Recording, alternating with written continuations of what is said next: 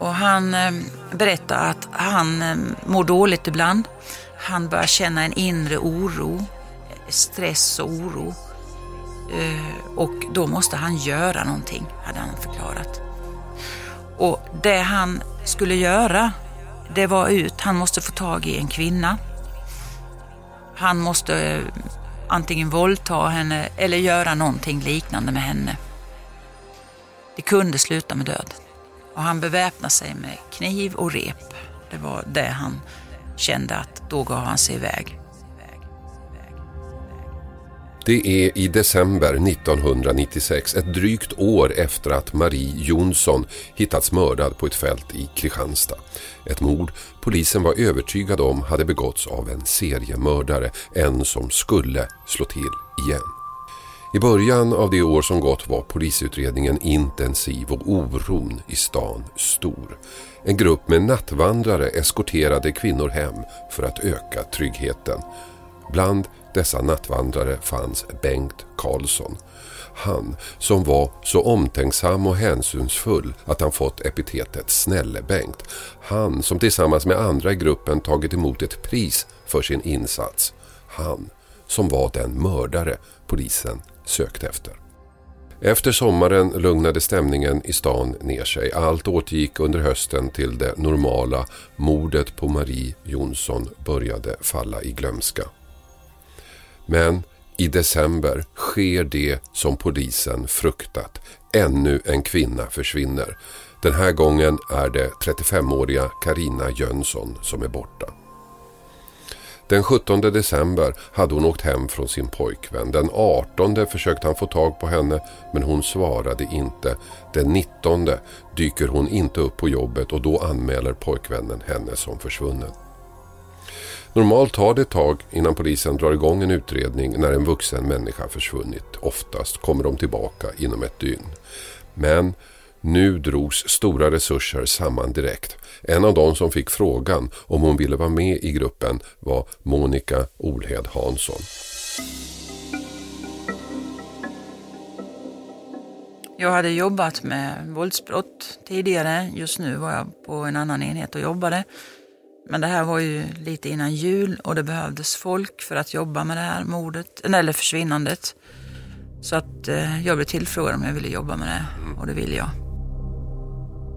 Anledningen till att Karina Jönssons försvinnande togs på så stort allvar var naturligtvis händelsen ett år tidigare, mordet på Marie Jonsson. Ett mord polisen trodde hade begåtts av en seriemördare.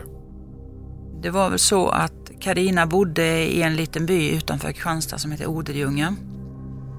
Hon hade åkt och besökt sin pojkvän. Eh, jag kommer inte ihåg vilken dag, men det var i samband med ett veckoslut i alla fall. Och sen hade hon varit hemma hos honom då ett par nätter. Och sen skulle hon åka hem igen och så skulle hon börja jobba dagen efter. Och på den här tiden fanns det ju inte en massa mobiltelefoner. Jag kommer också ihåg att pojkvännen ringde till henne på kvällen när hon hade åkt hem och pratade med henne och då så mådde hon inte riktigt bra, sa hon. Men hon skulle nog ändå jobba dagen efter. Dagen efter så kom aldrig Karina till sitt jobb och hennes arbetskamrater ringde henne men fick inget svar hemma hos henne. Och då ringde de hennes pojkvän men han var på sitt jobb och han var på någon julfest på kvällen så de fick inte tag på honom förrän senare.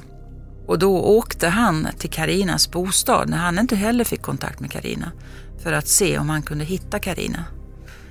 Och det var låst och han hade ingen nyckel så att han gick runt huset och tittade in genom fönstren. Och då såg han att den här dubbelsängen som Karina hade i sitt sovrum hade på något sätt brakat ihop så den eh, var som ett V liksom. Båda sängarna eh, i mitten hade sjunkit ner och det var lite oreda i sängen och det här tyckte han var väldigt märkligt. Så det var då han anmälde henne försvunnen. En av de första sakerna polisen gjorde var en omfattande undersökning av Karinas hem. Det fanns inte mycket som berättade om vad som hänt. Men några fynd gjordes som stärkte misstankarna att hon utsatts för ett brott. Ja, i bostaden fanns det väl inte så mycket spår som jag minns det. Det jag kommer ihåg var att det fanns på köksbordet tuggummipapper från ett slags tuggummi som heter Big Red. Och det fanns inte i Sverige då. Mm. Och den här eh, pojkvännen förhördes ju så småningom. Och han berättade att han hade varit i USA. Och då hade han köpt tuggummi och så hade Karina fått tuggummi av honom. Två saker talade för att något allvarligt hänt. Det omkullvälta hallbordet och sängen som kollapsat. Två andra saker kom senare att få stor betydelse. Den röda filten på Karinas säng och ett tuggummipaket. Det var av märket Big Red och såldes inte i Sverige. När en kvinna mördas är det väldigt ofta som hennes partner är skyldig. Därför började polisen med att förhöra hennes pojkvän. Pojkvännen togs ju in till förhör och jag förhörde honom tillsammans med en annan kollega. Och det var många timmar förhör med den här pojkvännen. Men eh, vi kom aldrig så att vi fick honom så att han var misstänkt. Förhören med pojkvännen gav ingenting. Inte särskilt konstigt eftersom han var oskyldig. Men samtidigt med förhören gick polisen runt och pratade med grannarna. De var inte så många. Karina hyrde ett hus på en gård utanför stan och det var inte så många andra som bodde där. En av grannarna gjorde att polisen som pratade med honom fick en olustig känsla av att allt inte stod rätt till. Ja, det var en kollega till mig som eh, förhörde den här grannen som var lite konstig som hette Bengt. Och eh, han tyckte att eh, han hade så märkligt beteende. Han kunde väl inte direkt sätta fingret på och säga att det var just det här, utan det var hela hans beteende. I det här läget då, var på listan skulle du placera Bengt? Han var konstig, men på, på er lista över misstänkta, var stod han då? Just då kunde vi väl inte få honom misstänkt, eller att han var misstänkt. Men det var ju så att det var fler dörrknackningsförhör där. Och det var ju genom något av dem som eh, vi fick eh, mer eh, indikation på att han hade något skumt för sig den kvällen. Mm. När kom han upp på topp på er lista? Jag vet inte vad du menar med topp, men han blev misstänkt i alla fall när ytterligare en granne förhördes där. Personen var alltså Snälle-Bengt. Han hade fått jobb på gården och flyttat dit för några månader sedan och misstankarna om att allt inte stämde med honom stärktes när en annan granne berättade vad han sett dagen innan Karina försvann. Det var så att den här eh, killen som förhördes, hans föräldrar bodde mitt emot Bengt Karlsson då i ett hus. Och den här killen, han hade en lillebror tror jag det var. Men den här killen i fråga, han hade ju flyttat hemifrån. Men just den här kvällen så hade han kommit hem eh, med sin lillbrorsa för att lämna honom. Och när han kör på den här vägen förbi Karinas hus för att köra hem till sina föräldrar, då passerar han just Bengt Karlsson som eh, går och ler på en cykel. Och när han eh, har varit hemma hos föräldrarna och släppt av sin lillbrorsa så vänder han för att köra tillbaka. Och då kör han förbi Bengt Karlsson en gång till ungefär mitt för Karinas hus och då hade Bengt Karlsson vänt på sin cykel och ledde den på andra hållet. Och eh, när vi så småningom förhörde Bengt Karlsson upplysningsvis så förnekar ju han att han hade varit ute på kvällen med cykeln där. Och det var ju märkligt. Så Snälle-Bengt kallades till förhör. Han förnekade att han skulle ha något med Karinas försvinnande att göra Trots det beslutade spaningsledningen om något ovanligt att göra en husransakan hemma hos honom. Med tanke på hur lite det egentligen fanns som talade för att han var skyldig så var det väldigt tidigt. Men polisen hoppades på att göra avgörande fynd. Det gjorde man inte, men märkliga saker hittades. Och Bengt visste vi genom det här förhöret. Han bodde själv, har alltid bott själv. Han var 1,98 lång, ganska grovt byggd, inte tjock men grovt byggd. Hemma hos Bengt hittades eh, eh, bikini, dambikini. Jag kommer inte ihåg om det var underdel eller överdel. Eh, väldigt liten storlek. Jag kan tänka mig att det var ungefär 36. Plus eh, sån här body som kvinnor använder och några andra kvinnounderkläder i den storleken. Mm. Och vi visste ju att Bengt inte hade någon kvinna som han hade någon relation med som skulle kunna ha de kläderna. I det här läget såg utredningen besvärande tunn ut. Det fanns en polis som tyckte att Bengt Karlsson svarade märkligt. Det fanns en granne som sa sig ha sett honom vid Karinas hem ungefär när hon försvann. Det fanns damunderkläder i hans hem. Ingenting som skulle räcka till åtal. Men då kom genombrottet man behövde. Det kom in ett tips om att Bengt Karlsson lämnat in sin fullt fungerande bil till skrotning. Och eh, vi fick ju eh, reda på vilken skrot bilen skulle dras till och hade dragits till. Så eh, vi var ju där och tog hand om bilen direkt innan den pressades och drog den till polisen då för att göra en brottsplats, brottsplatsundersökning i. Mm. Och då fann ni tre saker eh, som var värda. Ett blont hårstrå, röda fibrer som såg ut att passa överens med en röd filt hon hade hemma hos sig och sist men absolut inte minst, det här tuggummit. Ja, det stämmer. Tuggummipappret kunde vi ju se direkt. Bilen togs om hand. Men eh, det här andra som du nämner, hårstrået och eh, det här med röda filten, det fick vi inte svar på förrän efter ett tag. För den här bilen togs ju om hand precis i samband med nyårshelgen. Och det var mycket helger då och eh, ingen frihetsberövad, ingen misstänkt. Så det var ingen prioritering på detta på SKL som det hette då. Mm. När fick ni svar på det? Eh, jag har för mig att det var någon gång i mitten på januari. Tre saker hittades alltså i bilen. Ett blont hårstrå som kunde vara Karinas. Röda fibrer som kunde komma från Karinas filt i sängen. Ett tuggummipaket av samma märke Karina hade hemma i köket och som inte såldes i Sverige. Tre ganska tunga fynd kan man tycka, men fynd som också kunde förklaras bort. Så man beslutade sig för att vänta, vänta på resultaten av undersökningarna på hårstrået och fibrerna. Det tar några veckor, men sen kommer svaren. Det är hennes hårstrå och fibrerna kommer från hennes filt. Saken tycktes vara klar. Men då fattar spaningsledaren Per-Åke Åkesson ett ovanligt beslut. Nämligen att inte ta in Bengt Karlsson utan låta honom vara fri ett tag till. Per-Åke Åkesson har tyvärr avlidit men så här sa han om sitt beslut när jag intervjuade honom 2007. Om vi hade tagit in honom innan, om han hade förnekat så hade vi i och för sig teknisk bevisning som kunde vara besvärande för honom.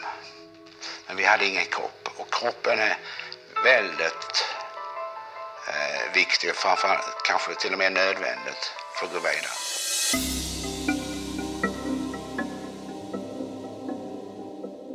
Det var en risk. Det kunde gått riktigt fel. Bengt Karlsson kunde ha undanröjt bevis, han kunde ha flytt eller kanske till och med begå ett nytt brott. Men så blev det inte. Tvärtom, beslutet att låta honom vara fri och ha spanare som följde honom visade sig få precis den följd man önskade. Nämligen att Karlsson skulle leda polisen till Karina Jönssons kropp. Nu när den här spanarkollegan körde där ute, det var en massa små vägar in som var återvändsgator och han körde den ena efter den andra och kom in på en av vägarna. Så såg han inne i skog, skogen en liten bit från vägen hur det låg ett litet vitt bylte. Nu var så att säga snön borta. Mm. Och, det var... och det visade sig vara Karina som var inlindad i ett överkast, vitt överkast. Tuggummipaketet, hårstrået och fibrerna tillsammans med kroppen gjorde att fallet i praktiken var löst. Och DNA-analysen från spermafläcken som hittades på Marie Jonssons kropp ett år tidigare band Bengt Karlsson även till det mordet. Efter mer än ett år var jakten på seriemördaren över. Monica Olhed Hansson var den som ledde förhören med Bengt Karlsson. Innan vi tog in Bengt Karlsson till förhör så hade det ju figurerat en massa i massmedia om eh, de här flickmorden. Och då hade man givetvis gjort en intervju, Alltså tidningarna hade gjort en intervju med Bengt Karlsson eftersom han var nattvandrare i det här området där det hade skett våldsbrott. Eller där Maria hade försvunnit. Då hade han uttalat sig i tidningen. Och i slutet av den här tidningsartikeln så hade den här reporten skrivit en liten fotnot om att den här nattvandrare Bengt, han var tidigare misstänkt för ett antal eh, överfall. Det var det stod 1977 mot ett antal mm. flickor och kvinnor. Så den artikeln hade ju funnits i tidningen bara lite innan Bengt okay. Karlsson greps. Mm. Och när Bengt Karlsson kommer in, då är det jag och en kollega som börjar förhöra honom. Ganska omedelbart i förhören. När jag delar någon misstanke om mordet på Karina då. Så eh, säger han att han tycker det är för jävligt. Och då tänker man ju, vad, hel, liksom, vad, vad säger han? Ska han börja erkänna? Men eh, det var inte alls något erkännande han hade tänkt sig utan han menar att det som var för jävligt det var artikeln som hade varit i tidningen. Och den var han mäkta förbannad över. Mm. Det var på något sätt som han inte ville ta till sig. Att eh, jag delgav honom misstanke om mordet på Carina. Sen fortsatte det med många förhör. Hur, hur utvecklades de? Ja, sen fortsatte förhören och Eh, sen var jag nog ensam i förhören tror jag. Eh, förutom Bengt Karlsson då och hans advokat. Advokaten var med hela tiden. Jag såg att det gick inte att prata med Bengt Karlsson om det här brottet, mordet på Karina. Och eh, då började jag prata med honom om honom själv, hur han liksom hade växt upp och om eh, honom själv. Jag försökte bilda mig en uppfattning om vad han var för person. Det jag fick klart för mig var ju att Bengt Karlsson upplevde som han var väldigt, väldigt sviken av vuxna när han var barn. Och framförallt då sin pappa. Och vi fortsatte väl många timmar på det här sättet när han berättade om sig själv. Och eh, någonstans i det här så försökte jag förklara för Bengt att saker och ting kan gå snett. En del smäller igen en dörr eller skriker när de blir förbannade. En del kan skjuta någon eller slå ihjäl någon eller göra en massa våldsbrott. Och att det här på något sätt kanske, som hade hänt honom under hela hans uppväxt, Eh, var någonting som han nu avreagerade sig på, att det var en reaktion. Och det här jobbade vi ganska mycket på. Och till slut, i ett av förhören, så säger Bengt till mig att jag vill inte mer nu. Och det sa han ofta när han kände att han orkar inte prata mer och vill inte prata mer. Jag vill inte mer. Vi slutar nu, vi slutar nu. Och då när vi slutade förhöret den gången, då fick jag en känsla av att han kommer att berätta nästa förhör. För så mycket hade vi pratat om eh, vad han hade blivit utsatt för och hur man kan så att säga reagera. Man måste avreagera sig på olika sätt och vis. Nästa förhör, när vi började, jag tror inte det gick mer än ett par, tre minuter förrän Bengt säger till mig, ja, jag erkänner, jag har dödat Karina.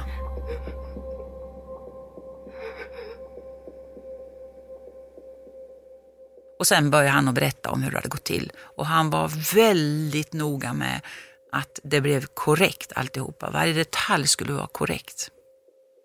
Vad fick du för känsla av hans känslor? När han berättade om det här mordet? Jag tror att Bengt Karlssons känslor var sådana att när han berättade om mordet så kände han inget speciellt. För jag minns när han berättade om hur han hade lindat in Karina och lagt henne i bagaget. Han hade ingen eh, empatisk förmåga, det var min uppfattning. För jag frågade just honom i förhöret, vad kände du när du la in henne där. Och då hade han ett kollegieblock framför sig på skrivbordet där vi satt då. Och då lyfte han det kollegieblocket, släppte det i skrivbordet och så sa han ungefär så. Så det var liksom bara att släppa ner henne där, det var inget mer. Men du måste ju ha frågat honom varför han gjorde det här. Ja, det gjorde jag givetvis. Och han eh, berättar att han eh, mår dåligt ibland. Han börjar känna en inre oro eh, stress och oro. Eh, och då måste han göra någonting, hade han förklarat. Och det han skulle göra, det var ut, han måste få tag i en kvinna. Han måste eh, antingen våldta henne eller göra någonting liknande med henne. Det kunde sluta med död. Och han beväpnade sig med kniv och rep. Det var det han kände att då gav han sig iväg. Men då måste du ha slagits av tanken att det är inte bara Karina. Ja, visst. Men först gick vi igenom hela mordet på Karina ganska ordentligt när han berättade om det. Och vi var ju flera kollegor som jobbade med det här. Jag höll förhören, men det var andra kollegor, bland annat Göran och en kollega. Han hjälpte till att samla in information om de andra morden och Göran hade jobbat mycket med Mariemordet. Och eh, det är klart att där fanns väldigt starka indikationer på att han kunde vara inblandad i andra. Var du med när han, när han erkände det? När han erkände Mariemordet? Ja. ja, jag förhörde honom. Och när han hade berättat färdigt om Karina-mordet eh, så fortsatte jag förhöra med honom. För det var ju då tanken att det kunde vara Marie. Men till saken hör att jag hann aldrig delge honom misstanke. Vi hade inte så mycket på honom just då så vi kunde delge honom misstanke om mordet på Marie. Det förhöret avslutades och återigen nästa förhör. Då sa han till mig bara ganska snart när vi började, jag vet vad du vill höra. Du vill höra om Marie. Ja, berätta, sa jag. Och då berättade han hur han hade dödat henne och då fick jag avbryta och delge honom misstanke. Mm.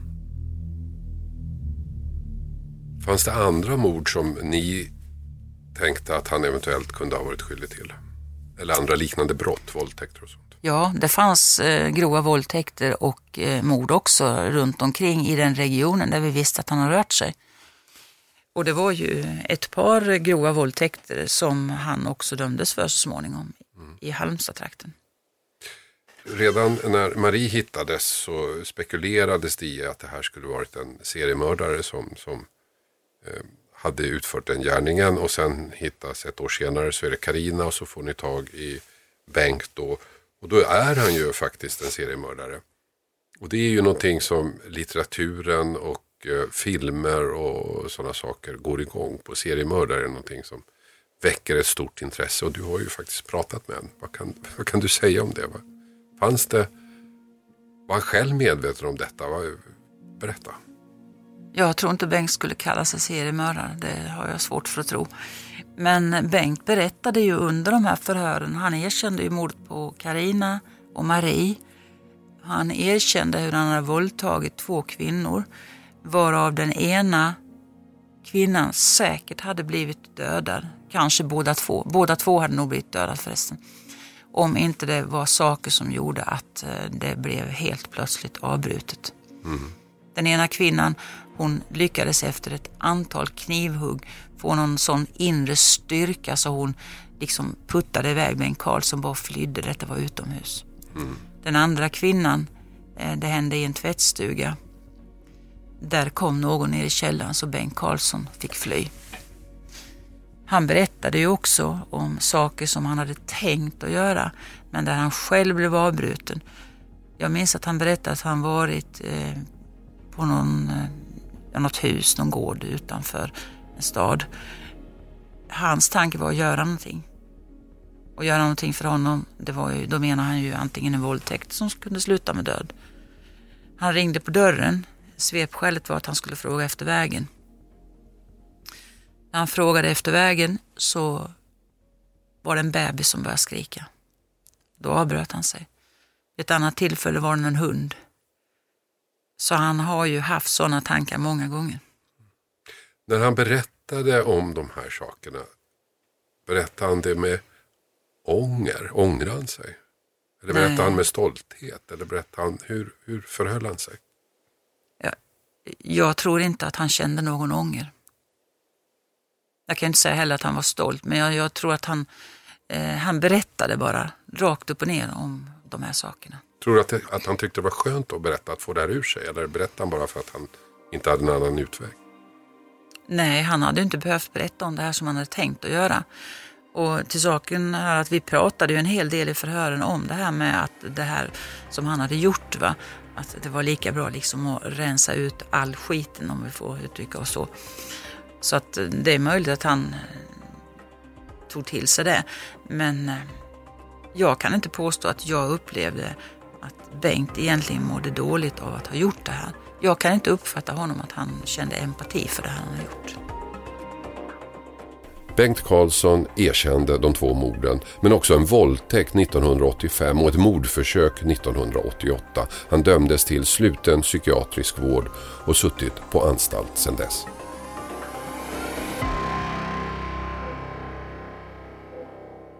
Berätta gärna om fallen jag aldrig glömmer för dina vänner så att fler får möjlighet att lyssna. Och har du förslag på fall som du vill att vi ska ta upp eller har du andra synpunkter? Mejla då till fallen at ilikeradio.se. Och jag har några som jag gör den här podden med som jag vill tacka lite extra. Research och inspelning David Persson, ljudsättning Alexander Martyris och exekutiv producent Mattias Arvidsson. Och så till sist, missa inte Krimtorsdag på TV3. Efterlyst följt av en TV3-dokumentär om fallen ni aldrig glömmer. Produceras av I Like Radio. I like radio. Ny säsong av Robinson på TV4 Play. Hetta, storm, hunger. Det har hela tiden varit en kamp. Nu är det blod och tårar. Fan händer just det. Är detta inte okej. Robinson 2024, nu fucking kör vi! Streama söndag på TV4 Play.